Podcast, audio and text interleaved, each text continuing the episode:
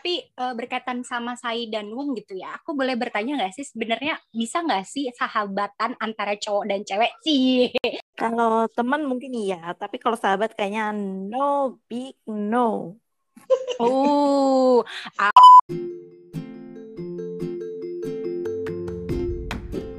Annyeonghaseyo, Cinggude.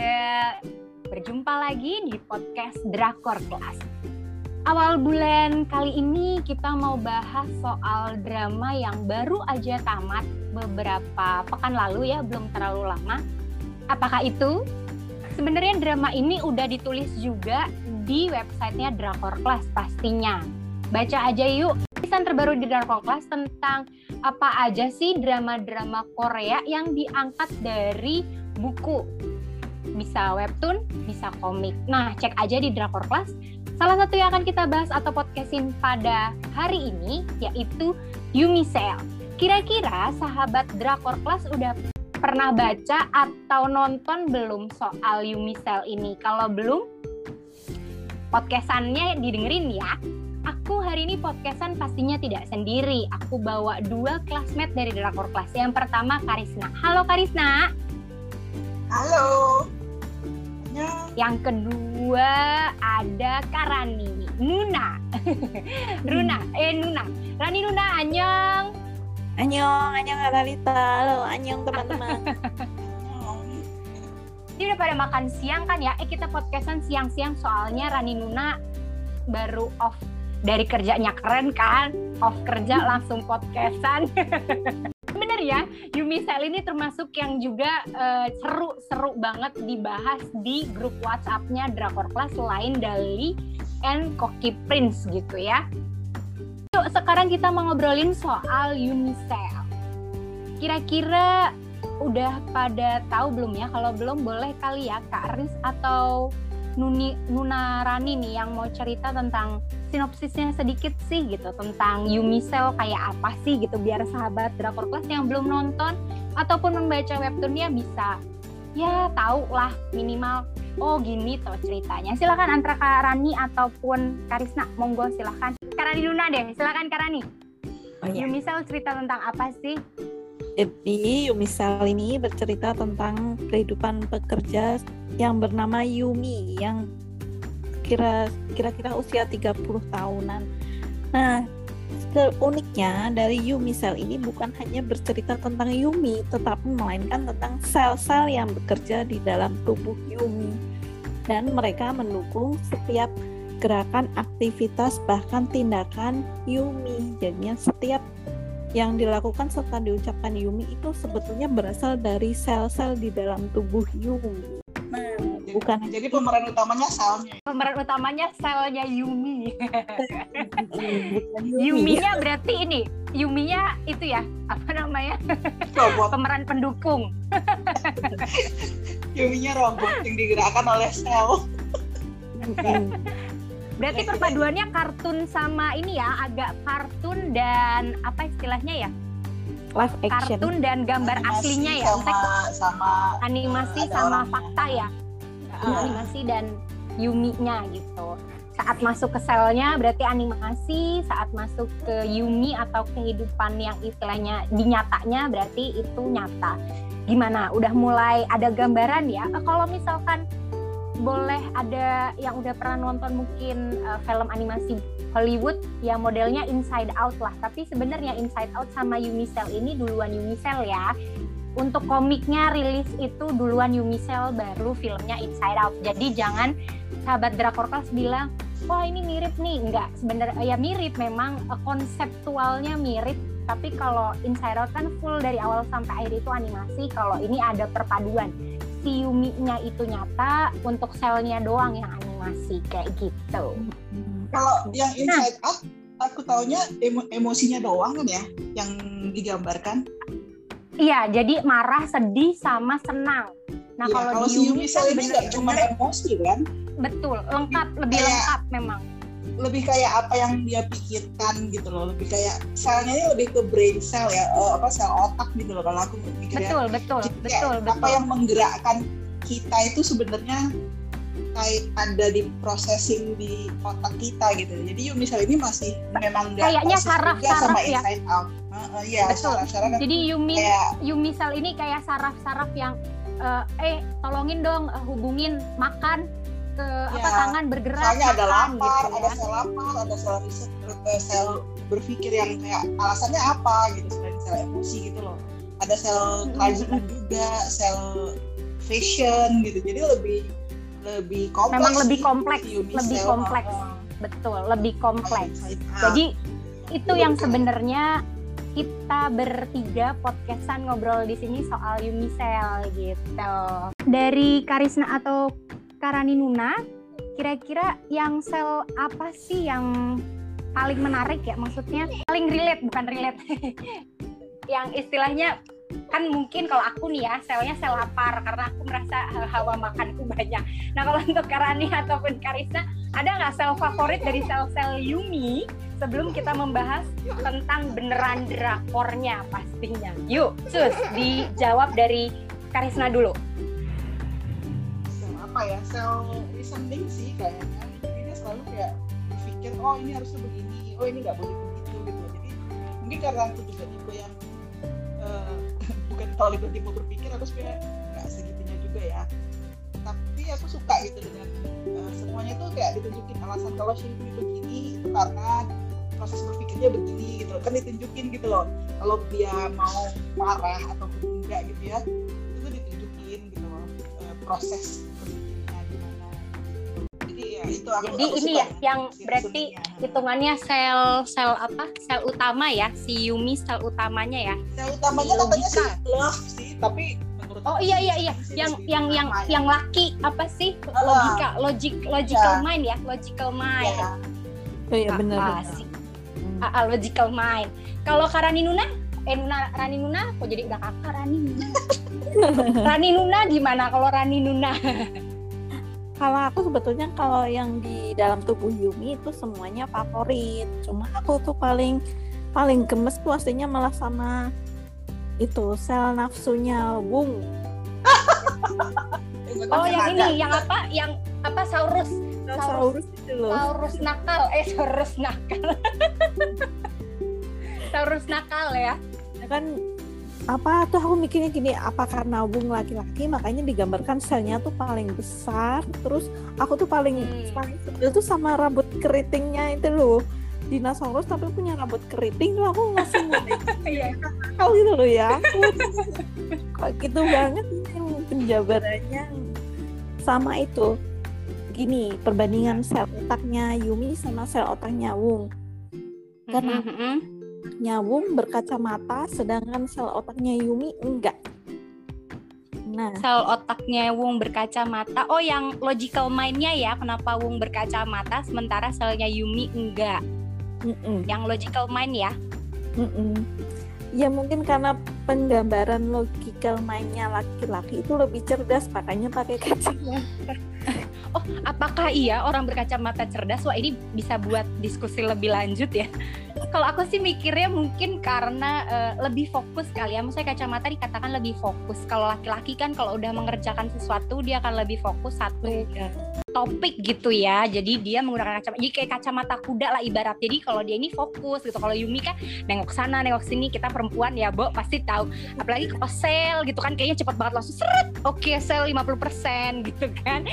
Jadi lebih luas pandangannya. Mungkin lebih ke fokus kali ya dia pakai kacamata. Itu mungkin ya, mungkin loh, mungkin loh ya sahabat Drakor Pas nih mungkin. Hanya perkiraan dari VIP Ain Jisang aja. Oke, sekarang kita masuk ke drakornya. Kan tadi udah dibahas sedikit sama Rani Yuna kalau ada yang namanya Wung. Siapakah Wung ini? nah, Wung ini kan diceritakan kalau Yumisel ini adalah orang yang berhubungan dengan Yumi pacar ketiga ya, pacar ketiga Yumi, betul ya? Betul ya Kakak Rani maupun Kakak Risna, ini pacar ketiga Yumi yang eh, berhasil menaklukkan hatinya. Jadi Yumi kan diceritakan adalah seorang pekerja kayak Rani Nuna ngomong dia sudah pernah patah hati dua kali. Tapi yang bikin shocknya adalah waktu patah hati yang kedua sama cowok yang bernama Ugi. Mm-mm, Ugi.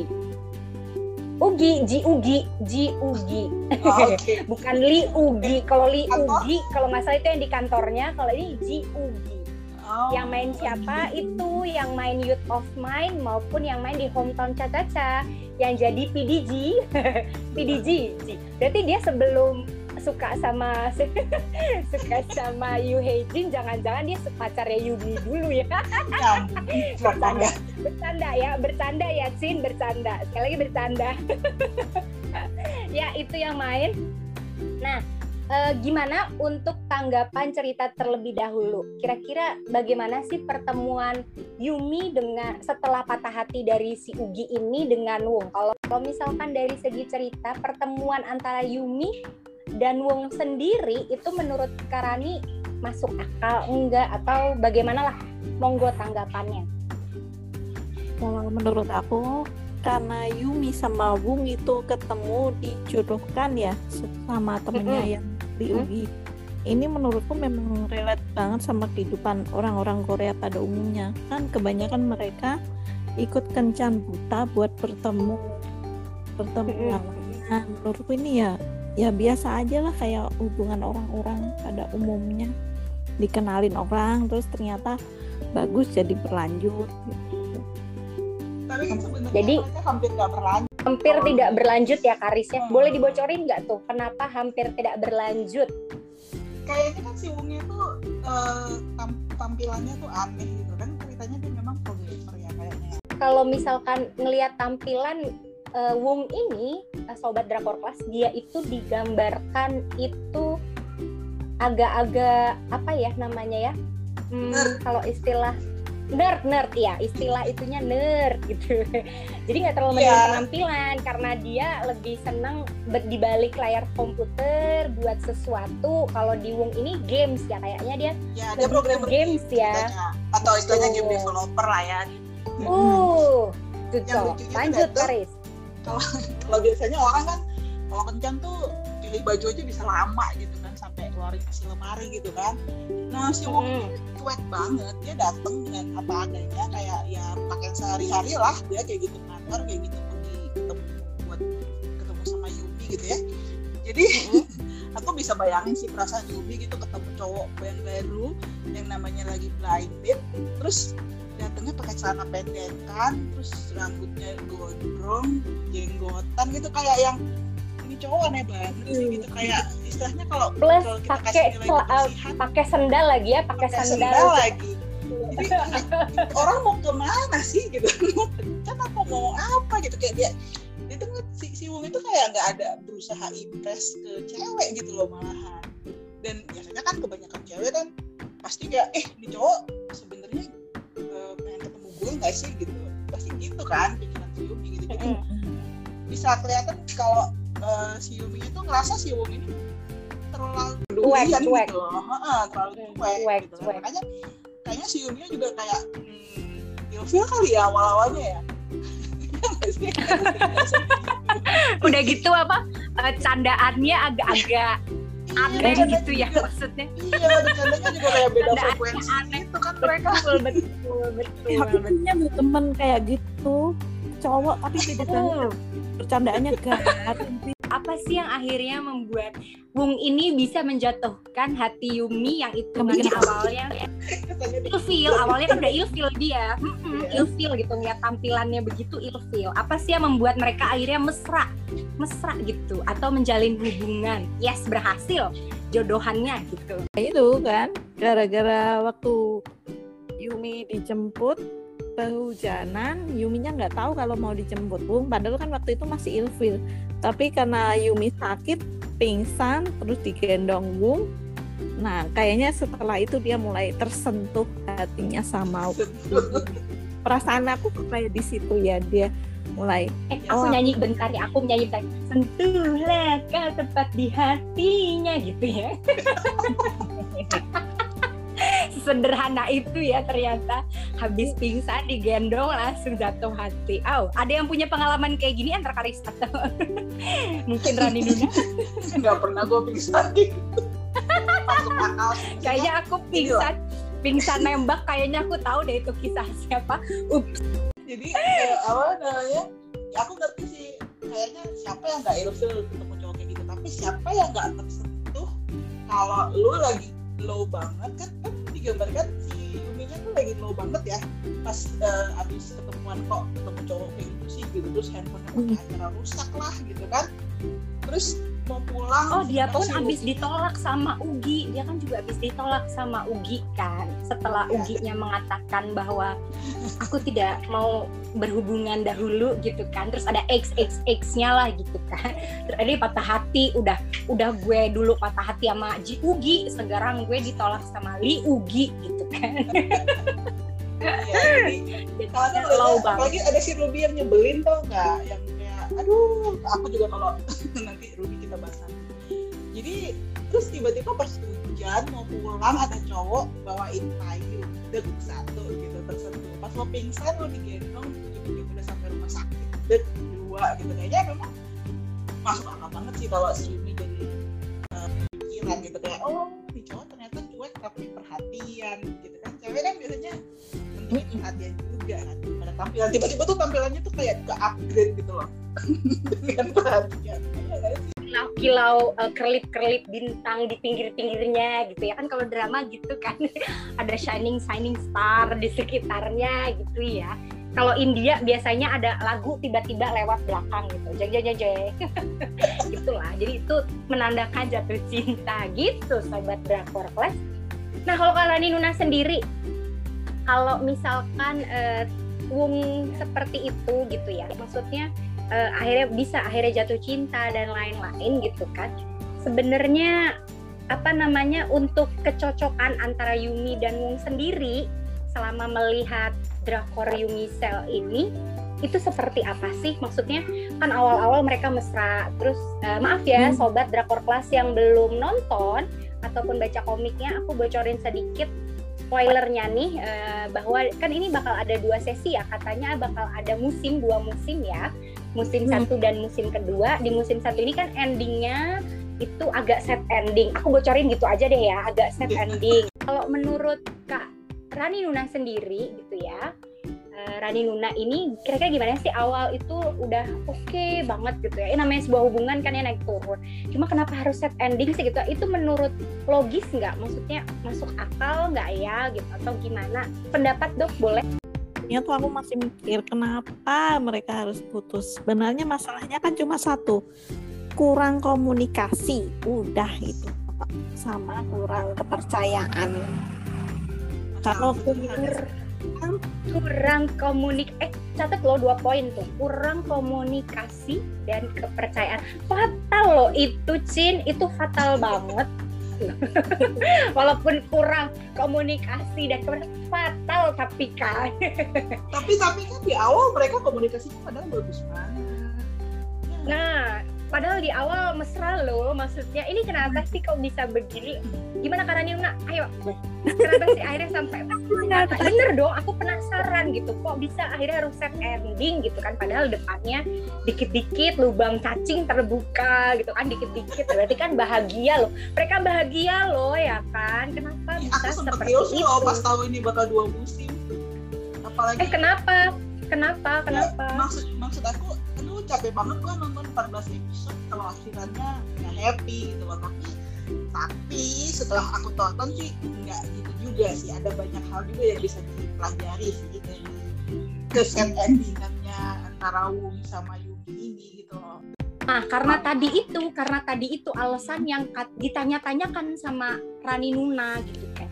Padahal cuma kurang komunikasi dan kepercayaan. Nah, aku pengen bahas di situ deh. Kalau Kak Rani Nuna sendiri gitu kan, sebenarnya apa yang bisa diperbaiki hingga akhirnya mereka harus, eh, maksudnya bisa happy ending gitu. Kalau misalkan ini dijadikan satu si- sesi aja, misalkan lo ya, apa yang sebenarnya bisa dibuat oh ini happy ending aja deh gitu nggak perlu pakai set set set set ending dulu monggo Karani kalau mau dibikin versi happy ending? Ya komunikasi ibu harus yang ada di pikirannya jangan cuma dipendam sendiri. Tapi memang kebanyakan lelaki itu seperti itu kalau saya perhatikan di masyarakat umum.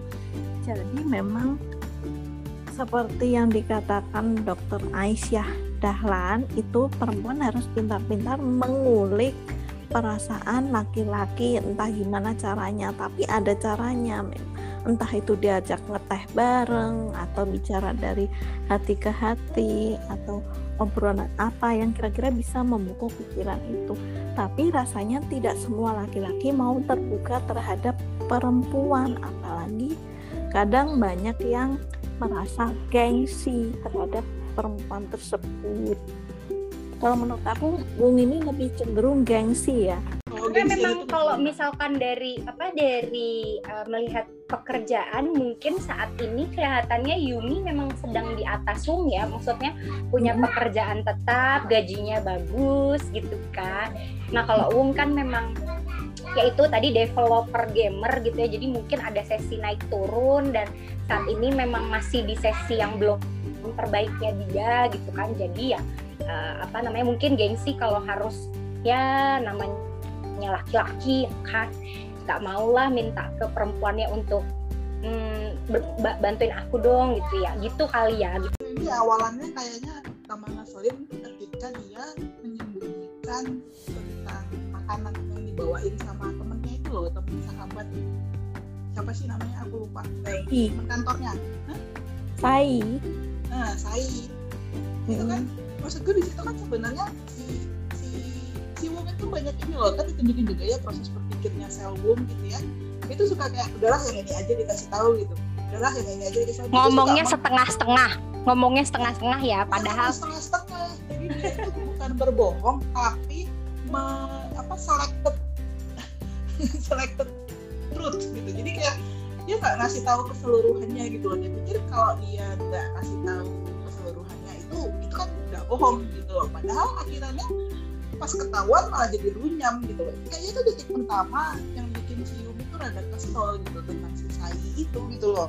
Kayak kenapa sih mesti nggak bilang gitu? Apalagi pas yang si Sainya uh, pindah rumah ke satu gedung sama si Wun gitu. Masa si Wun kayak nggak ngerasa sih si Sai ini ada sedang uh, berusaha berusaha sesuatu ke dia gitu loh. Terus nggak cerita lagi ke Yumi. Dengan dia nggak cerita ke Yumi itu kan berarti dia sebenarnya merasa terus kenapa dia nggak cerita ke Yumi gitu? Maksudku pas di situ Yuminya emosi ya itu tuh aku juga kayak ya elah nih cowok minta nih. Kita di apa lah bahas yang paling enak ya. Dia kan di situ nggak kasih tahu Yumi kan sampai ya mungkin si Yumi ini juga kadang-kadang terlalu maju juga ya dia suka tiba-tiba kayak mau ngasih surprise datang ke gitu kan. Tapi pas lagi momen-momen kayak gitu dia kayak wah ternyata si saya satu gedung Bung. Gitu kan jadi jadi tambah overthinking kan? Iya benar. Tapi uh, berkaitan sama Sai dan Wung gitu ya, aku boleh bertanya nggak sih sebenarnya bisa nggak sih sahabatan antara cowok dan cewek? Sih? Soalnya kan ini kayaknya memang bener, ini kan uh, apa ya namanya ya ada ada cerita cinta segitiganya juga gitu kan ada uh, apa namanya oh, bagaimana sih mengkomunikasikan antara sahabat cewek ini ke pacarnya gitu kan kan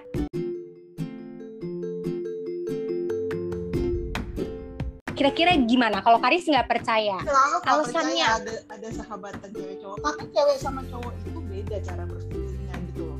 Ya kan seperti digambarkan di Yumisel juga ya. Si Sainya itu akhirnya walaupun awalnya kayak canda darah sama Wung, lama-lama dia tak begitu melihat Wung bahagia sama cewek lain pun juga jadi pengen uh, apa ya? Ah, kan jealous ya. Lama, uh, ya, lama ya, jealous. Wung. Jadi mungkin si Sainya tadinya nggak bener-bener suka, cuma dia ngerasa diri berdua gitu loh.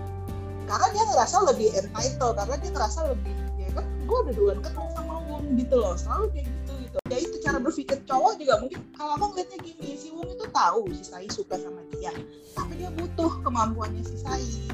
Karena kayaknya kan digambarkan kan mereka satu kantor ya jadi dia pikir selama nggak apa nggak terang-terangan gitu ya ya nggak apa-apa lah gue butuh soalnya dia uh, eh, gue butuhkan kan sebenarnya perusahaannya Wong ini agak-agak bermasalah kan setelah selesai keluar kan gitu. Jadi selama ini dia tuh kayak berusaha belain Sai lebih ke ke masalah kantor sih masalah kerjaan. Tapi itu kalau aku ngeliat nggak bisa cewek sama cowok itu sahabatan murni gitu. Apalagi kalau sama-sama sih ya. sip. Oke okay. kalau ke Karani Nuna. Nah, karena nih kalau dirimu setuju gak sih ada sahabatan cowok dan cewek? Kalau teman mungkin iya, tapi kalau sahabat kayaknya no big no. Oh, au, au, apakah alasannya sama dengan Karis? Coba, coba gimana, gimana? Bisa dibocorin kenapa no big no itu? Biasanya tuh kalau sahabatan tuh biasanya belakangnya ada modus. oh baiklah, lanjut terus. Nah kalau sahabatannya cowok sama cewek, berarti itu ada modus. Tetapi kalau sahabatan cewek cewek, modusnya paling sekedar pengen dapat teman curhat. Udah itu toh. Lah kalau cowok sama cewek curhat, kan jadinya kesetrum, ya kan? Iya betul. Oh, ada sistem kenyamanan ya, Bo. Baiklah. baiklah, baiklah, baiklah. Uh, kira-kira aku boleh minta pendapat sebenarnya apa sih yang uh, penting dalam sebuah hubungan gitu ya melihat dari kondisinya Yumi sama Wung sendiri tadi udah dibacorin bahwa Wung itu harus ngomong deh apa aja. Uh, sebenarnya sih nggak nggak mau bohong tapi karena menyeleksi kata-kata akhirnya membuat salah paham gitu kan. Sebenarnya apa sih kunci-kunci yang hubungan yang bisa kita pelajari yang udah dibocorin juga sama Karisna? Sebenarnya banyak loh yang bisa dipelajari dari Yumi Cell ini. Monggo silahkan Karani duluan deh Karani duluan monggo apa sih ya sebenarnya tips-tips ya menjaga hubungan yang bisa kita pelajari dari Yumi Cell? Kalau menurut aku, yang pertama jelas komunikasi. Harus belajar komunikasi produktif dengan pasangan. Ini kayak nilai ibu profesional ya. Eh, eh, eh iya benar-benar benar. Baru aku mau ngomong loh, Bo. Lanjut. Terus yang kedua sama seandainya dalam suatu hubungan sudah tidak ada kepercayaan katakan atau ada ketidaknyamanan ya sebaiknya segera katakan dan segera akhiri. Jangan menyiksa diri buat untuk terus memposisikan diri pada posisi yang seperti sebelumnya. Seumpama hal itu terjadi ya kembali lagi ke poin satu tadi. Harus belajar komunikasi produktif biar sama-sama enak. Kalau aku kayaknya gitu. Coba Karis malah mengkomunikasikan perasaan gitu kalau ada ganjil tuh diberesin langsung jangan disimpan disimpan disimpan numpuk gitu loh. Kalau di, misal itu kan ditunjukin ya misalnya kayak si Yumi memutuskan kalau ada hal-hal kecil yang menjengkelkan tuh nggak usah langsung dibilang tapi dia kayak nimpukin apa sih ada power yang digambarkan di dalam uh, filmnya itu. Iya iya iya ah, histeria histeria ya, sel histeria. bom bom bom nyimpen masalah. Nyimpen amarah. Nyimpen amarah. terus jadi kayak kesannya kayak tuh kan tadi hubungannya masih baik-baik aja kenapa tiba-tiba jadi begini? Kan gitu kan.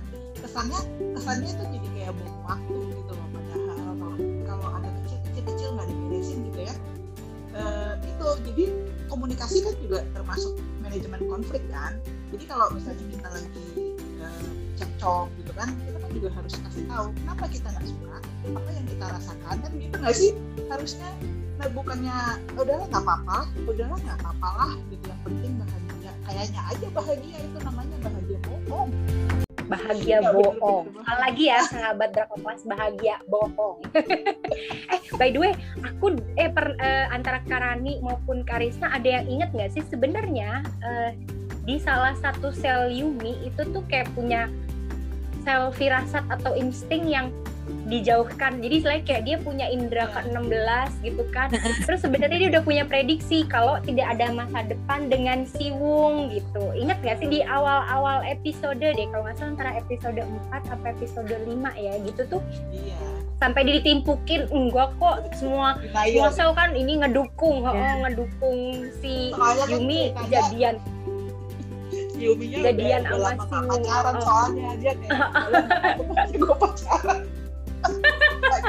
eh tapi Iya bener bener bener bener. Padahal udah ada yang uh, rambu ya sebenarnya feeling iya. untuk bahwa tidak ada masa depan. Selain tidak ada masa depan ini sebenarnya udah mulai karena tadi udah dibocorin sedikit sama Rani Nuna tentang usianya Yumi maupun Wong itu sekitar 30-an, usia matang untuk uh, menuju ke jenjang yang lebih serius dalam sebuah hubungan. Di Yumi Sel sendiri kan ada tuh uh, mengatakan bahwa masalah pernikahan gitu ya Mhm. apakah salah satu tidak ada masa depan di sini gitu menginjak ke pernikahan atau bagaimana nih soalnya kan Wung sendiri gitu ya kalau digambarkan di selnya Wung gitu ya. Keinginan menikahnya itu berada di dasar laut terus dijaga hiu-hiu gitu kan. Aku juga masih nggak ngerti tuh apa maksudnya itu gitu kan?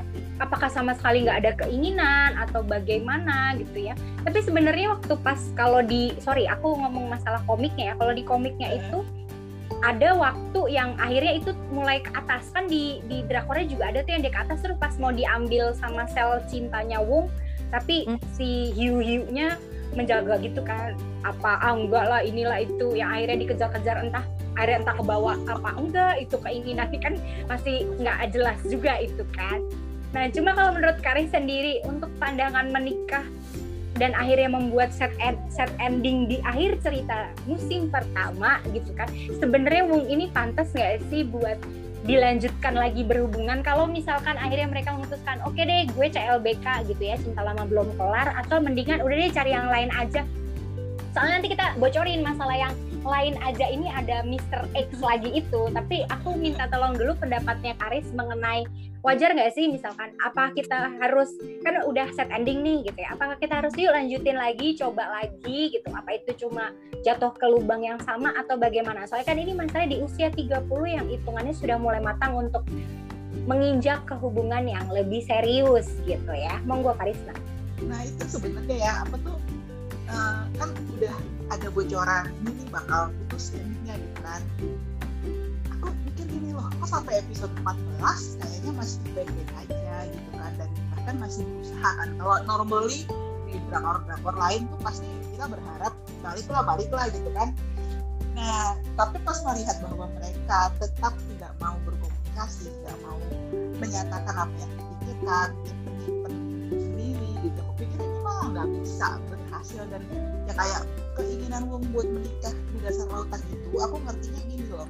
Itu kan lagi nggak bagus ya eh, ininya jadi dia itu ego laki-laki juga itu masalah pride masalah harga diri gitu loh. Laki-laki kan selalu merasa mereka harus jadi provider harus jadi penyedia. Gitu Wong tuh nggak pengen kalau dia nikah istrinya nanti bakal menderita gitu loh. Kalau aku bilang bukan cuma Yumi jadi masalahnya bukan loh masalahnya di kondisi bisnisnya Wong dan dia ngerasa dia belum siap nikah gitu loh. Which is bagus sih daripada bilangnya udah nikah aja nanti rezeki datang sendiri. Itu itu ngajak anak orang melarat kan namanya kan? Jadi selama nggak setuju ya berarti dengan statement yuk kita susah bareng-bareng seneng bareng-bareng gitu ya. Kalau misalkan bisa menyediakan yang terbaik kenapa enggak gitu ya? Ya, itu setuju setuju kalau kita susah bareng-bareng senang bareng-bareng. Dengan tapi dengan catatan ini dia harus terima juga kalau misalnya pada saat dia nggak punya si istrinya atau dia bilang pasangannya provide gitu loh. Kalau dia kan nggak si Wum ini kan enggak gitu loh. Dia nggak terima Hmm. kalau misalnya Yumi itu lebih sukses dari dia gitu loh. Dia dia nggak nerima Hmm. duit Yumi gitu loh. Dia tuh tetap merasa harga diri sebagai laki-laki gue harus bayarin gitu. Padahal kan namanya pasangan ya biasa aja kan kalau misalnya ya zaman sekarang kan biasa aja. Misalnya yang kerja istrinya yang suaminya eh, ngurusin anak gitu itu biasa aja. Asalkan kesepakatan bersama kan gitu kan. Itu nggak kayak gitu gitu. Si Wum itu harga dirinya terlalu tinggi yang kayak masih sok manly lah. Kalau gue bilang bukan bukan bukan beneran tapi bagus nggak sih sebenarnya? Maksudnya kan eh, sebenarnya jarang loh. bagus, aja sebenarnya tapi dia harus komunikasikan dong jangan Oh, berarti balik nggak lagi bilang ya perasaan dia itu loh. Oke. masalah besarnya itu dia nggak bilang bahwa eh, harga diri dia ya, oke lo boleh punya harga diri tapi lo bilang kasih tahu. Kita nggak akan bisa tahu kalau nggak ada yang ngasih tahu ya nggak sih? Kita Hei, kan baik laki-laki maupun perempuan bukan pembaca pikiran, ya kita kan? nggak ahli harus bilang gitu kalau eh gue tuh orangnya begini. Gitu Jadi kayak eh, aku Ya. menghargai gitu ya, aku menghargai kamu punya penghasilan gitu tapi kalau kamu mau kawin sama aku tunggu dong aku nih masih belum bisa memprovide gitu. Aku tahu kamu bakal jadi ya ngomong lah gitu kalau pada akhirnya mereka. Oh ya udah kalau lu kayak gitu gue kayak gitu ya udah bubar bubar aja ngapain sih mesti gantung-gantung lama kan gitu nggak nggak ada yang salah dengan mengkomunikasikan gitu loh cuman si Wong kan Iya. enggak dia selalu dalam hati bilang Tunggu, "Oh, harus eh kalau perlu ngomong ya, gua," gitu. katakan gitu ya. Hei, tunggu aku lima tahun lagi, nanti aku akan Iya, melamarmu. aku Cie, itu lebih kalau lebih bilang gini lu lebih- terima kalau gue lagi bangkrut kayak gini gitu loh maksudnya nggak usah ada ada kasih limit ya, kasih limit dalam sebuah hubungan mau serius Iya. kapan gitu ya. Oke, kayak itu aku banget kayak. ke dasar lautan itu. Itu kayak gue pengalaman pribadi deh by the way. Eh, kita serius ya lima bulan lagi eh, lima dikasih target Bo lima bulan lagi kau ku jemput dan ku lamar gitu. Jadi udah siap Bo. Dijemput alhamdulillah kan jadi suami sekarang. Asli. Hei Bung, tolong ya dicatat ke laki gue aja loh. Enggak, enggak, maksudnya enggak gitu guys. Enggak gitu juga ya. Maksudnya katakan, sekali lagi katakan. Berani, berani Iya. provide gitu ya, tapi buktikan juga. Kasih limit dong. Jadi kita kasih tahu. Iya. Secara umur perempuan itu produktif ada masanya ya kan. Usia-usia berapa kita bisa hamil kalau mau hamil ya guys. Gitu. Kalau mau hamil ya sahabat. Kalau Rani Nuna sendiri gimana? Um pantas dipertahankan pertahankan untuk CLBK atau mending cari yang baru aja deh gitu. Nanti sebelum kita bocorin ke yang si baru ini apakah cocok juga atau gimana? Lanjut dulu Rani Nuna, silahkan. Kalau menurut aku yang mending cari baru. Itu the point loh dia. Lanjut, lanjut. Kenapa ini? Kenapa? Kenapa, ini? Ya soalnya dia nggak percaya sama Yumi, ngapain dipertahanin ya kan? Terpahit ya. Yumi cari yang orang yang Pahit ya, Bo. Jawabannya tuh tegas banget pahit loh. Ngapain udah nggak dipercaya lanjut aja cari yang baru. Ih kejem ya. Aku baru tahu loh si Rani Nuna yang ini kejem loh. Kalau aku kan kadang-kadang ah udah deh dimaafin aja. Ini enggak lo langsung jek jeger kelar gitu ya. Lanjut lanjut terus terus alasan alasan lagi alasan lagi dan kejem banget dong neng lanjut tapi tapi aku suka aku suka tegas Ah, karena karena udah nggak percaya sama Yumi itu mending cari yang baru Eh, tapi kan belum tentu ada yang sewung gitu. Maksudnya yang entah apa bercandaan yang membuat ini apa nggak ada kenangan-kenangan yang bisa membuat balik gitu apa udah deh move on aja gitu. Perlu move on berapa lama sih? Misalkan dengan punya pasangan kayak Wung gitu kan dengan kamu setegas itu gitu maksudku. Gimana itu konsekuensi? Soalnya kan Yumi udah ngasih waktu waktu sama Bung itu waktu kita bilang kita sebaiknya memikirkan lagi hubungan ini nah dalam waktu selama itu nyatanya Bung tidak pernah menghubungi Yumi sama sekali kan Ya, itu aneh ya. itu ini ya nyesek juga ya Bu kan? Itu, aneh banget loh orang kalau kita pikirkan terus pikir. Hmm, orang kalau masih ada perasaan kan setidaknya menghubungi apa kabar atau gimana gitu itu sama Iya. sekali enggak loh bener-bener enggak oh berarti kalau yang laki kayak gitu mending tinggalin aja gitu ya Karani Nuna ya eh Karani ya kalau aku sih iya soalnya kayak oh jangan-jangan dia di sana udah punya kalau ini sih pengalaman aku sendiri Oh. Tuh kan bener kan? Jadi tidak menghubungi jangan-jangan di sana udah punya yang lain. Tapi by the way perkara punya yang lain bener juga loh. eh tapi bener loh perkara punya yang lain ini kan digambarin apa usahanya si siapa namanya Wong ini kan eh, apa deket lagi sama Sai kan waktu pas yang pernikahan temennya itu kan sempat ketemuan lagi sama Sai terus udah gitu eh, akhirnya punya kontrak besar. Kan waktu diomongin di sebelum episode akhir kan ada tuh ya kan? Itu jangan- jangan-jangan bener tuh katanya Karani ya kan? Karena udah deket sama Sai lagi daripada masalah lagi mendingan udahan aja gitu kali ya kali lo ya. Kayak aku belum makanya aku bilang aku masih masih ini apa mau mau ngebut tapi belum belum ini banget. Baru sampai episode eh, apa namanya dia bari apa ya baru pendekatan inilah hitungannya baru pendekatan sama si Mr. X tapi waktu itu belum apa belum ini belum belum terjawab apakah Wung sama yang lain belum belum ke situ baru sampai apa namanya perkenalan yang di gara-gara lari-lari itulah gitu lari-lari lari jadi Yumi ketemu Mr. X yang baru ini sampai di situ aku bacanya juga gitu jadi belum belum belum terlalu ke sana soalnya memang kalau di Aku komik itu apa namanya ada beberapa dong ke Mr. X dong kenapa enggak kan udah ada di ceritanya juga udah ada Mr. Iya, aku, X aku mau, Ya aku kan? mau, mau, mau nanya nih gantian sekali ini aku mau nanya menurut kalian kalau misalnya tidak ada Mr. X dalam radarnya Yumi apakah Yumi akan menerima begitu saja diputusin Bung? Ups, big spoiler. kalau Karani dulu gimana Karani dulu deh kalau menurut aku tanpa si Mr. X pun ini Yumi tetap bakal menerima keputusan si Wung soalnya dalam salah-salahnya pun bahkan mereka berusaha udah melempar kacang itu kan karena sebenarnya sama Wung jadi kayaknya Mr. X ini malah nggak punya pengaruh apa-apa terhadap kehidupan Yumi sama Bu.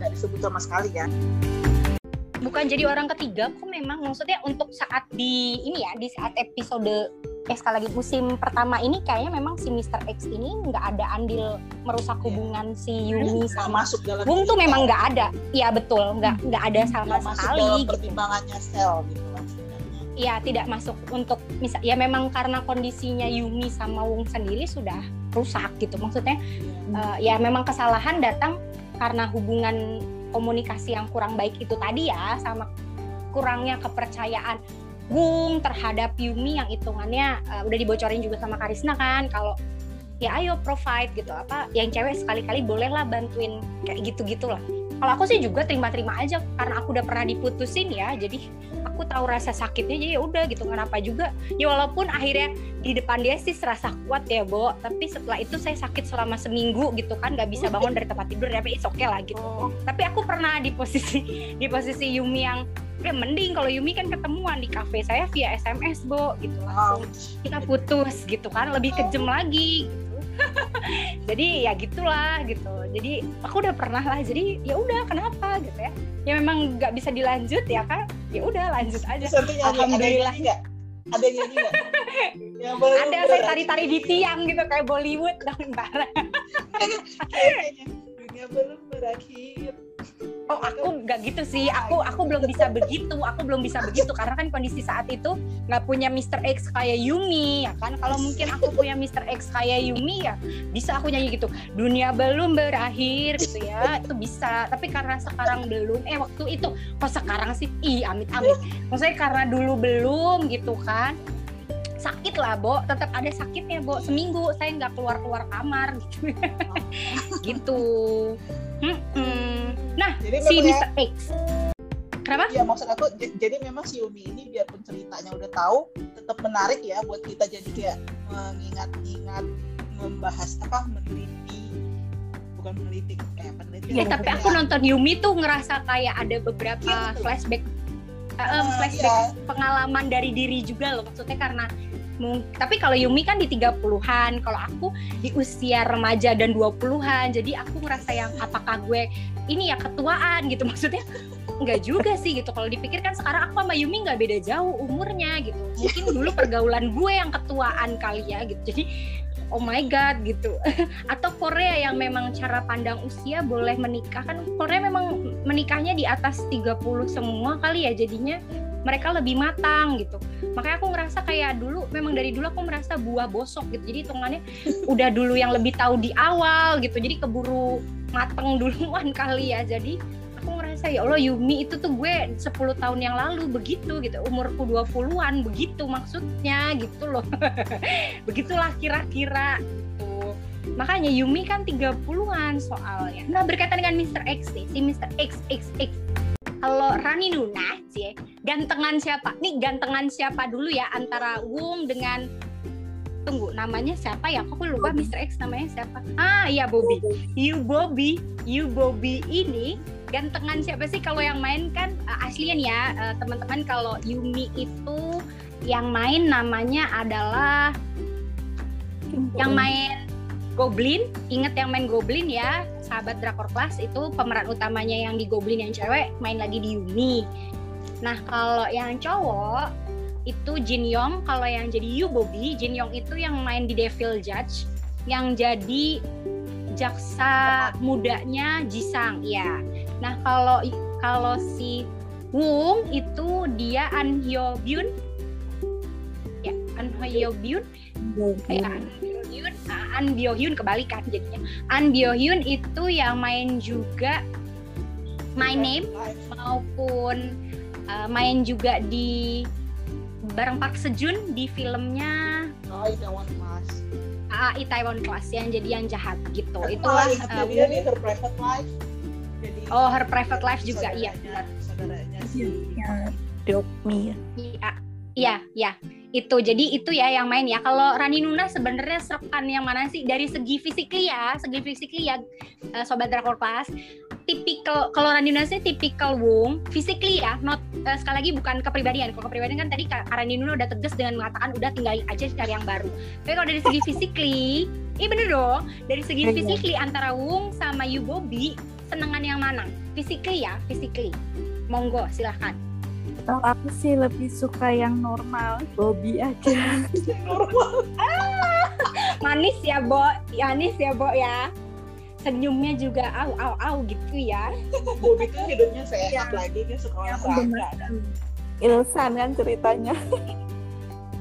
apa? Kenapa? Kenapa Dia kan ceritanya dia paling mengemaskan di Ilsan cerita dari oh iya iya benar benar benar.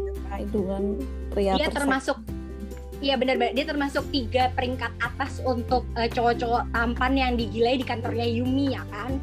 Eh, kan ada si iya iya Ugi termasuk tuh ya kan? Ugi oh terus iya Ugi terus Bobby sama satu lagi siapalah gitu. Pokoknya dia termasuk salah satunya di tiga urutan teratas gitulah gitu. Iya iya bener-bener. Terus terus terus. Jadi dirimu Bobby ya Bobby ya. Physically Bobby ya. Hmm. oke kalau Karisna Karisna. Bobby Wong. Kasian banget sih si Wung gue beli Bobby juga gimana ya gimana physically lo ya buka eh ja- gini masa physically kalau pertama kali first impression kalian ketemu tipikal Bobby apa Wong gitu loh maksudnya Wung itu jorok itu loh Bobby juga. Bobby kan lebih rapi, tampilannya ke meja gitu maksudnya ya. dari pertemuan pertamanya aja ya misalnya si Yuminya ketemu Kan pertemuan pertama di lari. Nggak, iya, Kan pertemuan pertama mereka kan di lari. Yang nggak jelas justru. mukanya itu kan. justru justru lu ketemu pertama sama cowok yang suka lari sama atau sama cowok yang pakai sendal pasti gue Saat blind date gitu ya. Saat blind date lagi ya pakai sendal Iya. saat blind date gitu ya. pasti lebih impress sama yang suka berolahraga dong minimal lo mikir oh ini orang Oh. sehat nih gaya hidupnya kan gitu kan kalau kalau kita bilang lah sebagai Yumi gitu ya ya pasti lebih lebih lebih sama yang suka olahraga dong Buat sobat drakor kelas yang pro Wung dan Yumi mohon maaf ya kita eh, sekali lagi subjektif. Jadi mohon jangan tersinggung gitu ya. Ini sekali lagi pendapat dari kami bertiga gitu ya. Mohon maaf kalau nggak cocok ini silakan aja nanti komentar di kolom-kolom yang ada boleh banget tapi tolong komentarnya yang tetap sopan bahasanya ya kan terus udah gitu berikan ininya juga argumentasi gitu silakan kirimkan tulisan dong ke drakorclass.com ya kan kita akan menerima dengan senang hati loh komentar-komentar itu buat dijadikan tulisan ya kan?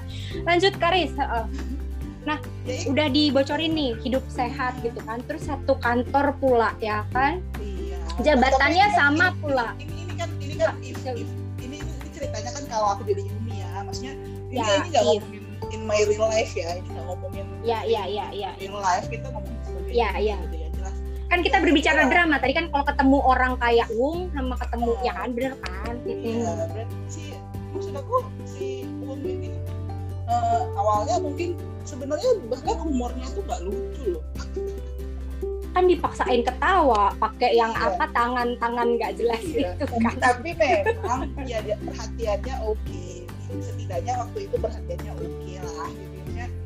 Jadi kalau dari perhatian tapi si Bobby itu perhatian kan dan dia tidak apa ya. Bobby tuh Bobby halus tuh gitu loh halus loh mainnya. kak cara pendekatannya halus loh Sama kan kita halus Bobby tuh halus gitu. Banyak loh. eh karena di Nuna kamu ngerasa nggak sih kalau Bobby itu pendekatan sama Yumi ngerasa nggak Hah? Kenapa kenapa? Enggak ngerasa. Ih masa Enggak. sih? Enggak, Bobby Iya. dia pendekatan orang Bobby sendiri baru putus kok. Tapi, Tapi halus loh. Iya, Halus dia loh. memang merasa ada Makanya di bagian mana sih aku bingung loh. lagi ajakin dari Nih ya. Itu loh. Terus dia ngikutin sosial medianya Yumi gitu loh, ala cowok stalking terus. Oh karena iya. dia ada sesuatu kan. Iya benar-benar. Kan tadi perjanjiannya adalah sahabatan cewek cowok nggak nggak mungkin kan kalau Bobby cuma aku mau ngajakin sahabatan ah no no no katanya kan pada no big kan no big no tadi tuh loh baik Karisna maupun Ranjuna kan no big no berarti kan hitungannya kalau cowok stalking sosial media boleh lah dibilang ya, ada ada ketertarikan belum merasa soalnya saat itu Ya, mungkin belum. Bobby masih berhubungan masih berhubungan atau masih punya pasangan gitu kan. Walaupun sebenarnya hubungan antara Bobby dan pasangannya rada mirip juga nih sama Wung sama Yumi ya kan bener gak? Bener gak sih Karena Iya udah mulai udah mulai bermasalah gitu kan. Iya, komunikasinya karena masalah komunikasi ya masalah komunikasi sibuk ya kan Karani ya. Mm, betul, betul. Mm-mm, jadinya ya itu apa ya bener lah kalau apa namanya Wung tuh sebe eh Wung lagi jadinya. Bobby itu udah mulai ada percikan-percikan penasaran. Iya betul. Tapi, Tapi- pendekatannya sendiri pun halus loh. Pendekatannya halus loh. Ya itu halus. Tapi menurut awalnya memang nggak berencana kayak nggak mendekati dalam arti mau PDKT buat jadi pasangan sih. Kalau menurut aku dia cuma intrik gitu loh. kayak apa ini cewek kayaknya lucu juga gitu loh. Masih masih tahap itu sih kalau aku ngeliatnya. Kayak makanya dia stalking masih apa kayak pengen tahu lebih banyak tentang Yumi gitu loh. Dengan cara mengikuti sosial medianya. Itu dia kayak ya nawarin kopi waktu ketemu nanyain kamu kok nggak olahraga lagi? Gitu gitu kan. Oh, aku malah itu ya. Aku malah merasanya Bobby tuh stalking Yumi gara-gara dia butuh cari staff buat ngisi posisi di pemasaran itu departemen pemasaran buat orang yang bisa mengkomunikasikan produk-produk mereka. Makanya dia begitu melihat tulisan Yumi maka dia stalking tulisan-tulisan yang selanjutnya. Oh orang ini cocok kok. Ka- kalau menurut aku kok dia gara-gara itu sih tertariknya Iya enggak oh awalnya berarti maksudnya Rani Nuna tuh eh, hubungan profesional dulu ya maksudnya? Eh, karena dia memang sedang membutuhkan content writer gitu ya script writer yang khusus iklan-iklan promonya kerjaan gitu kan. Terus ngeliat oh kok caption captionnya Yumi di media sosialnya oke nih tulisannya nih gitu. Kalau aku ajakin mungkin awalnya begitu kali ya maksudnya Rani Nuna ya jadi akhirnya dia stalking lebih jauh gitu. Heeh. Ya, menurut aku kok gitu awalnya. Makanya halus kan. Aku belum tahu. Bener ya. Ma- masih maksudnya seksi dua itu masih nggak tahu kan apakah nanti langsung Bobinya maju begitu tahu Yuminya nggak punya pacar atau bakal masih bakal berapa episode kemudian mereka bakal gimana kita kan belum tahu kan? Episode Betul, eh, betul, betul, keduanya nanti bagaimana kan? Betul betul Rasa- betul betul. terasa halus sih kalau menurut ya ya apa ya? Ya nggak tahu juga sih tapi berasa aja ada tapi ini loh aku sih ngerasa eh, dia sudah mulai pendekatan itu sejak ngomong gini loh. Waktu diajakin buat ketemuan kamu mau nggak aku jodohin sama X? gitu. Kamu kalau dijodohin nggak mau loh ya gitu. Itu udah udah salah satu bahwa bahwa dia sudah punya pilihan. Ada udah yang punya pilihan yang lain gitu. Maksudnya iya. dia udah punya pikiran dalam pikirannya gitu. Itu satu terus yang kedua gitu kan oh berarti kamu ini ya eh, apa namanya lagi nggak masa lagi mau sendiri dulu ya? Kan dia bilang enggak enggak aku Iya. kalau ada nemu yang cocok aku mau kok diajak untuk bermain bersama itu dua. Terus udah gitu aku mau loh berlari bersamamu itu tiga kalau aku sih ya itu udah kayak ada poin-poin. Iya udah ada poin-poin bahwa intik-intik. eh, aku ada loh di sini gitu. Tapi mungkin belum se setaraf yang beneran untuk ngajak apa ya mungkin karena dia juga masih terluka Yumi-nya juga baru Makanya halus galau kan? Halus. Iya ya aku kalau kayak gitu udah langsung jatuh hati bo. Aku tipikal yang jatuh hati sama cowok halus begitu. Tapi ya enggak lah maksudnya ya seperti tadi dibilang dia kan juga masih ada baru selesai dari satu hubungan gitu ya. Kadang-kadang kan dia juga pasti ya ntar dulu lah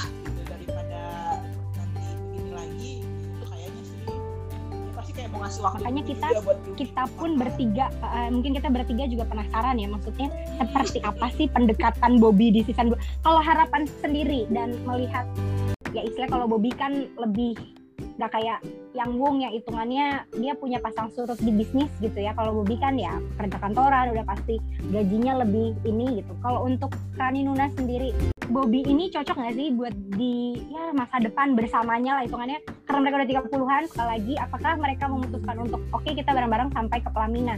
Soalnya kalau dibocoran di komik gitu ya kan menikah kalau nggak salah. Katanya sih menikah happy ending gitu.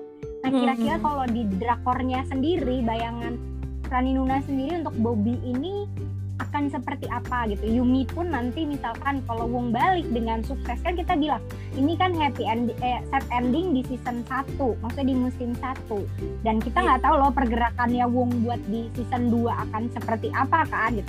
Kan kalau cinta segitiga seru, Bo, gitu. Apalagi dua-duanya maju, bingung kan? Yes. Ya kan, Nah, ada uangnya sendiri. sukses gitu ya. Nah, bener kan kalau Wongnya sukses loh. Sukses sebagai seorang developer game, oh duitnya nggak jujut lagi. tril-tril kan gitu. Iuy. Kalau kalau gue matre, gue pasti milih Wong. Maaf ya, sobat realita realitas aja gitu. Tapi ntar pertimbangan lagi sih kalau ujung-ujungnya dia nggak percaya ya tetap aja kayak Rani Nuna tegas gitu kan. Nah makanya kalau Rani Nuna sendiri gitu, misalkan nih dihadapkan terhadap dua pilihan di season kedua gitu kan, Bobby seberapa persen untuk oke aku memutuskan dia gitu. Misalnya eh, dia bersamaku selamanya, misalnya Yumi-nya. Gimana kalau menurut Rani Nuna? Pandangannya untuk season 2. Kalau mungkin ya Bung balik lagi di season 2 kalau balik lagi di season 2 ya paling Ada loh aku- di komiknya udah ada bayangan eh, se- sepintas itu Wong balik eh, dengan tampilan yang rambutnya lebih panjang malah lebih gondrong lagi, lebih gondrong lagi, lebih gondrong lagi tapi lebih stylish lah. Maksudnya diikat kan terakhir Wong diikat kan rambutnya. Nah, besok season season 2 kan lebih kayak gitulah kira-kira penampilannya gitu. Menurut Rani Nuna gimana? Di- jika dihadapkan dua pilihan cowok oke kayak gitulah yang satu udah memang wangi kan dari awal yang satunya juga udah meningkat dari yang tadinya sendalan sekarang ini bisnis oke loh udah mulai sukses loh gitu gimana kalau Rani Yuna sendiri nih jadi Yumi mungkin gini kalau aku pribadi jadi Yumi karena Yuminya udah terlanjur berpisah sama Bung dan sudah terbiasa sama Bobby dan kehidupannya. Katakan Yumi sama Bobby belum pacaran ya. Tapi kan Bobby berusaha PDKT terus nih ceritanya setelah tahu Yumi putus kan otomatis secara perlahan sudah tahu mulai kebiasaannya sedikit demi sedikit. Kalau aku bilangnya sih kemungkinan Yumi bakal tetap milih Bobby soalnya udah sudah mulai terbiasa dan sudah mulai melupakan Wung meski ada sedikit-sedikit kenangan sama Wung. Tapi karena sudah ada kehadiran orang baru bisa mengisi memori yang baru. Seperti kayak Nam Dosan itu di startup itu kan dia mengisi mengisi kenangan baru sama itu. Eh, Eh, tapi Han Ji Pyong nggak dipilih loh. Han Ji Pyong walaupun mengisi kehidupan berlama-lama bertahun dua tahun kagak dipilih juga tuh. Nah itu gimana? Tetap ya kita tim Han Ji Pyong mohon maaf sekali lagi. Lanjut. Karena itu waktu dulu kan Nam Dosan mengisi dengan kenangan baru. Lah ini juga sama Bobby kan paling nanti Oh, kenangan maksudnya mengisi kenangan baru ya? Mm, mm. mengan- menambah menambah ke memori jadinya yang memori lama-lama lama-lama udah nggak upgrade out langsung. aja memori lama ya memori lama out aja gitu sip. Baiklah tetap ya Bobby Bobby it's Bobby. Jadi Bobby Aku nggak ditanya soalnya kayaknya kayaknya Mbak Lita udah tahu jawabanku apa. Eh enggak tetap kutanya dong. Tetap kutanya loh jawabanmu itu selalu membuatku agak wow wow wow gitu. Momo Karis kalau misalkan nih Wong sukses gitu ya sebagai developer gamer gitu kan dia dengan tampilan juga mendatangi Hey I'm comeback gitu dengan dengan jazz ya pokoknya selayaknya Wong ya, CEO lah CEO perusahaan developer game gitu. Terus Bobby gitu kan. Eh, walaupun dia masih terjebak di friendzone misalkan dia friendzone belum tentu jadian kan kita nggak tahu ya season 2 apakah eh, Yumi akan jadian jadian dengan Bobby. Tapi kayaknya kalau untuk awal-awal episode kan nggak mungkin kan langsung jadian secara kan habis putus gitu kan. Nggak mungkin langsung jadian kecuali nanti ada lagi yang lain. Setelah ya benar benar benar karena kan pasti kan agak agak ini dulu kan pendekatan dulu lah misalkan. Nah mungkin apakah mereka terjebak friendzone kira-kira kalau jadi Karisa menjadi Yumi memilih antara Wung dan Bobby itu bagaimana gitu kan? Besok bakal seru nih karena aku rasa season 2 akan seru gitu dengan cinta segitiga yang lebih au au au gitu kan. Dan pastinya bakal serame lagi zaman Nam Dosan dan Han Ji Pyong kayak kayaknya loh ya kayaknya. Sampai gitu. sih. Itu itu itu kayaknya cukup sekali kayaknya orang nggak akan. Oh baiklah baiklah baiklah. Aku, aku menurutku gini ya, si Bobby itu punya peluang lebih eh, banyak untuk dipilih karena kan ada yang bilang waiting Wisnu Jalanan Sokulino tuh nah Bobby itu kayak selalu bersama-sama dengan Yumi mereka satu kantor mereka satu bus mereka rumahnya deketan jadi kayak peluang si Bobby buat olahraga bareng juga gitu ya ya. orangnya bareng juga dan Bobby-nya tuh halus gitu kan secara tampilan oke wangi gitu kan dari awal gitu kan. Ya kecuali kita kan belum ditunjukin ya borok-boroknya Bobby apa gitu ya. Jadi kalau ngelihat yang sekarang sih ke- kemungkinannya kan Yumi udah tau lah borok-boroknya Wung apa gitu ya. Maksudnya kayak ah si Wung itu ternyata nggak percaya sama gue. Ah si Wung itu punya sai yang akan selalu menghantui hidupnya gitu loh yang kayak nggak bisa ditegesin kan sama dia. Misalnya ya itu cuma teman yang gitu-gitu tapi juga sampai disembunyikan kan kayak udah ada luka-luka masa lalu gitu loh kalau mau balik lagi sama si Wung gitu loh. Jadi akhirnya sih kembali ke usahanya Wung bakal seperti apa sih? Ba- tapi menurutku kalau misalnya Wung udah sukses ya nggak semudah itu juga sih Yumi bakal jatuh hati kembali sama dia gitu loh. harus eh, minimal ya kita aja bisa lihat Wung tuh gedungnya tinggi banget gitu loh. Dan dia tuh kalau udah ter apa ada masalah dia tuh masuk gua nggak mau mengkomunikasikan apa masalahnya gitu. Dan kalau kita nggak tipe yang bisa menerima memberi waktu buat orang memproses masalahnya gitu ya pasti nggak akan sabar gitu loh ngadepin orang kayak gitu gitu pasti jadinya bakal berantem dulu overthinking dulu salah paham dulu gitu loh. Sedangkan yang Bobby ini belum bisa bicara banyak sih karena itu bilang belum ketahuan kan buruk-buruknya apa gitu. Belum ketahuan Eh, kira-kira sebenarnya hubungan dia dulu sebelumnya gagal gara-gara dia atau gara-gara eh, pacarnya terlalu sibuk gitu kan ketahuan. Tapi peluangnya belum kelihatan ya boroknya Bobby seperti apa belum kelihatan ya. Iya, tapi peluang itu aku bilang peluangnya Bobby itu lebih banyak karena hampir selalu bersama-sama gitu. Kalau lebih sering bersama seseorang kan kita bisa lebih cepat eh, ya kayak kata Rani tadi bisa punya memori yang baru, bisa punya eh, apa namanya eh, lebih cepat deket gitu loh, lebih cepat mengenali dan kalaupun kita ngerasa orang itu ngeselin bisa cepat dengan cepat kita bisa tahu orang itu cocok sama gue gitu. Hmm. berkaitan Jadi dengan dengan You Bobby aku udah tau You Bobby aku mau nanya berkaitan dengan eh, dua cowok yang aktor muda yang saat ini sama-sama sedang naik daun ya maksudnya baik yang jadi Wung maupun jadi Bobby ini kan aktor muda yang sedang naik daun. Kira-kira kalau gambarannya ke depan akan seru gitu ya kira-kira yang jadi melitnya itu yang mana ya? Soalnya tahu sendiri kan formula drakor itu biasanya biasanya jadinya sama melitnya kan. True Beauty deh gitu kan. Mau di True Beauty juga loh ya kan si An Sejun udah udah segitu jalalan sekot ya selain udah deh si eh, apa suhunya pergi gitu kan tuh udah sama gue gitu kan udah udah segitunya tetap nggak dilirik juga akhirnya out gitu. Apakah Bobby juga akan tipikal yang out gara-gara melitnya bahwa ternyata Wung atau dia tetap eh, apa berkaitan apakah bener-bener sesuai dengan jalan cerita komiknya atau gimana? Kalau gambaran Karisna mungkin Karisna nggak baca komiknya ya tapi udah dapat bocoran kan di Drakor Class eh, saya kan udah dapat bocoran nih di Drakor Class kalau jadinya mah entah sama siapa ya tapi kasihan loh kalau sahabat Drakor Class makanya tolong baca dulu ya ini kita ngasih spoiler banyak banget. Sama nonton lah minimal gitu ya.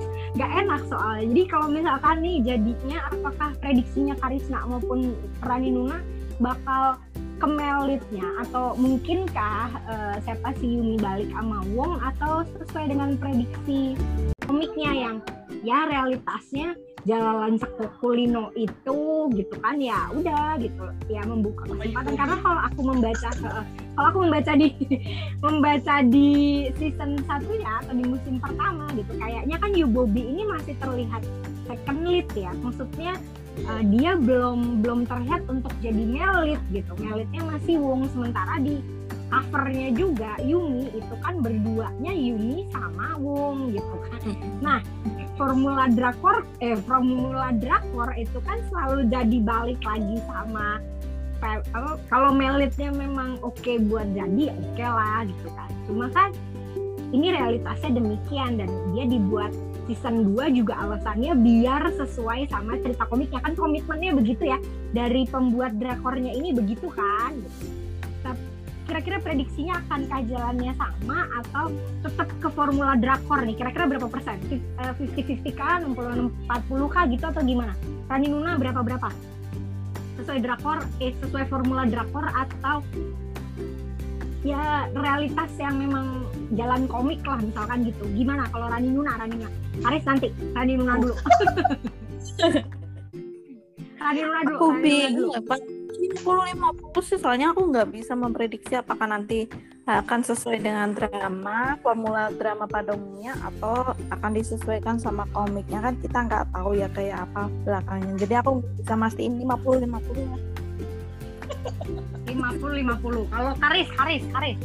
Formula drakor atau komik? Kamu saya eh, karena kan janjinya si ini karena di musim 2 tuh karena biar ya ceritanya bisa agak ini lah relate sama komiknya gitu.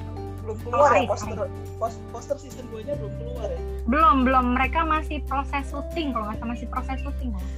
kalau aku sih melihatnya ya kemungkinannya itu sama Yumi atau bakal ada lagi orang lain lagi gitu loh kan sekarang kan Hmm. season satu udah banyak sama si Boom gitu loh ini season dua Hmm. banyak yang di Bobby gitu Bobby sedikit doang tapi ya nggak tahu juga ya kita lihat aja Berarti nunggu poster aja. Gimana kalau abis podcast poster season 2 keluar kita podcast lah. ya nggak apa-apa kan kan unik uniknya drama Korea kan kayak gitu Nah, Betul, kita betul, betul. prediksi tapi kita biarpun udah tahu endingnya biarpun udah tahu ceritanya. Menonton itu lain cerita lagi gitu loh. Menonton itu kita kayak proses sendiri lagi gitu loh buat kita sendiri apa yang kita dapet gitu loh. Jadi kalau menurut aku bakal banyak ini sih bakal banyak eh, sejauh ini cerita Yuni ini realistis gitu ya. Dia nggak Hmm, nggak hmm. sugarcoat gitu nggak ada yang maksain banget ini harus begini harus begitu gitu loh. Itu, itu aku sukanya di situ gitu loh. Dia realistis gitu loh cara berpikirnya bagaimana outcome-nya dengan eh, alasan itu aku sih bye bye dulu Hmm, baiklah, bye bye Bu. Dan bye bye juga podcastan kita hari ini gitu ya. Udah dikasih kagak spoiler, tetap aja keluar spoiler ya. Maaf ya sobat Dragon Class kalau misalkan belum nonton ataupun belum baca, mohon maaf banget karena ini semua podcastan hari ini siang ini spoiler semua gitu ya. Kalau nggak mau dengerin, udah langsung tutup kuping aja. Eh, tonton dulu baru dengerin lagi gitu ya. Atau kalau mau baca nanti reviewnya pasti ada. Https drakorclass.com silahkan aja kunjungin. Terus komentar di situ. Sekali lagi komentarnya yang sopan. Kalau misalkan nggak setuju sama podcastan kita. Karena gimana pun sekali lagi namanya podcastan itu pasti subjektif ya kan? Pendapat pribadi dari yang podcast. Dan kita tidak menyinggung berkaitan dengan sisi human atau sisi beneran kehidupan aktor atau aktrisnya. Kita biasanya ngomongin karakternya doang. Jadi kalau misalnya kita nggak setuju sama karakternya berarti kita lagi ngomongin karakternya bukan nge-harsh atau ngejelekin aktrisnya. Paling kita kecewa oh kok aktingnya gini ya? Paling hanya sebatas itu karena menurut kita gambarannya karakternya jauh kalau misalkan di actingin kayak gini. Bukan berarti kita pakar juga soal acting itu tidak gitu ya eh, apa namanya sobat drakor class terima kasih buat Karisna buat Rani Nuna yang udah berkenan siang hari ini podcastan seru bareng aku. Jangan lupa tetap kunjungin website dan sosial media Drakor Class. Silahkan komentar apa sih yang mau kamu dengerin ataupun mau kamu baca biar kita bisa bahas. Sampai jumpa. Sekali lagi mohon maaf kalau ada salah-salah kata. Selamat siang. Dadah. Ya. Bye.